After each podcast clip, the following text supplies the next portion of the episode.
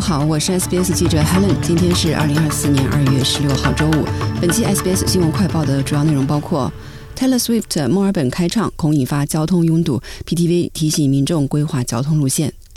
阿桑奇或在一周内被引渡到美国；以色列军队突袭加沙南部主要医院；Taylor Swift 在澳大利亚七场音乐会的首场将于今晚在墨尔本板球场 MCG 进行。因为预计到可能的交通拥堵，维多利亚州公共交通 PTV 提醒民众提前规划公共交通路线，并预留充足的时间。Taylor Swift 于本周五、周六和周日在墨尔本板球场举行三场演出，而他的悉尼演出将于二月二十三日至二十六日在澳大利亚体育场 Stadium Australia 举行。Taylor Swift 此次在澳大利亚的演出已经被吉尼斯世界纪录正式认定为有史以来收入最高的音乐巡演，收入超过十亿美元，约合十五点四亿澳元。演出门票在数小时内就被抢购一空，每场音乐会都会有数万名歌迷前来观看，其中还包括那些没有门票但想感受外面气氛的人。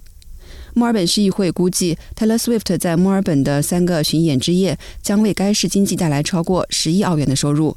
墨尔本市长 Sally Cap 表示，该市一整年的重大活动日程通常会带来大约三十三亿澳元的经济价值。卡普议员说太太将在一个周末内带来其中的三分之一。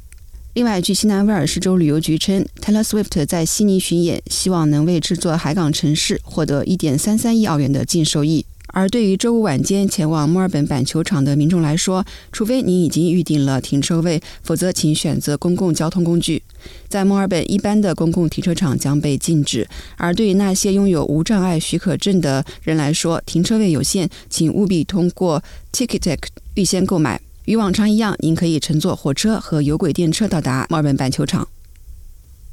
维基解密创始人朱利安·阿桑奇可能在不到一周的时间内会被引渡到美国。他的支持者说，如果澳大利亚不采取行动，他可能会死在美国的一处秘密监狱里。他的妻子 Stella 阿桑奇说，他不希望他即将举行的上诉听证会会取得成功，而这可能是在英国的最后一次上诉听证会。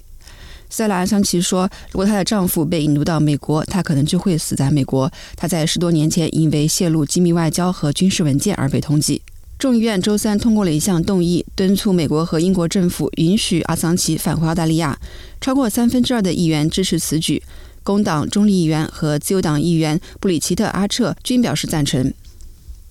以色列军队突袭了加沙南部的主要医院汉尤尼斯的奈塞尔医院，军方称这是一次寻找被哈马斯劫持的人质遗骸的有限行动。周四的袭击发生前一天，军队试图疏散在汉尤尼斯纳塞尔医院避难的数千名流离失所者。这座南部城市是以色列最近几周对哈马斯发动进攻的主要目标。以色列国防军发言人丹尼尔·哈加里海军少将将此次行动归咎于哈马斯。关于加沙停火的谈判似乎已经陷入僵局。以色列总理内塔尼亚胡誓言要继续发动进攻，直到消灭哈马斯。